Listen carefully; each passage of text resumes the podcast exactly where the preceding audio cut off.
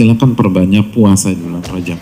Al-Imam Nawawi dalam kitabnya Al-Majmu' Syarah Muhadzab, Imam Nawawi mengatakan, "Qala ashabuna," berkata sahabat-sahabat kami, "Wa minas shaumil mustahab shaumul al-ashhuril hurum."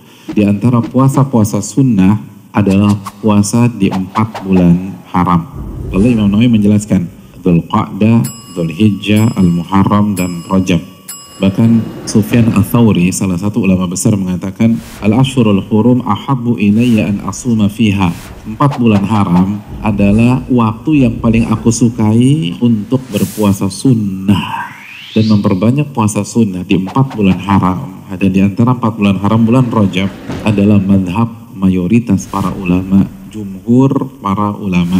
Ini adalah madhab Hanafiyah, Malikiyah, Syafi'iyah, dan sebagian Hanabilah mensunahkan memperbanyak puasa di empat bulan haram dan di antara empat bulan haram itu Rajab. Tapi yang perlu diingat adalah nasihat para ulama, salah satunya nasihat Imam Syafi'i, jangan puasa full.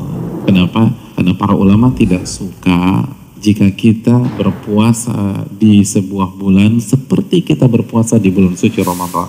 Maksudnya, agar tidak menyerupai Ramadan. Bukan tidak boleh berpuasa di bulan Rajab.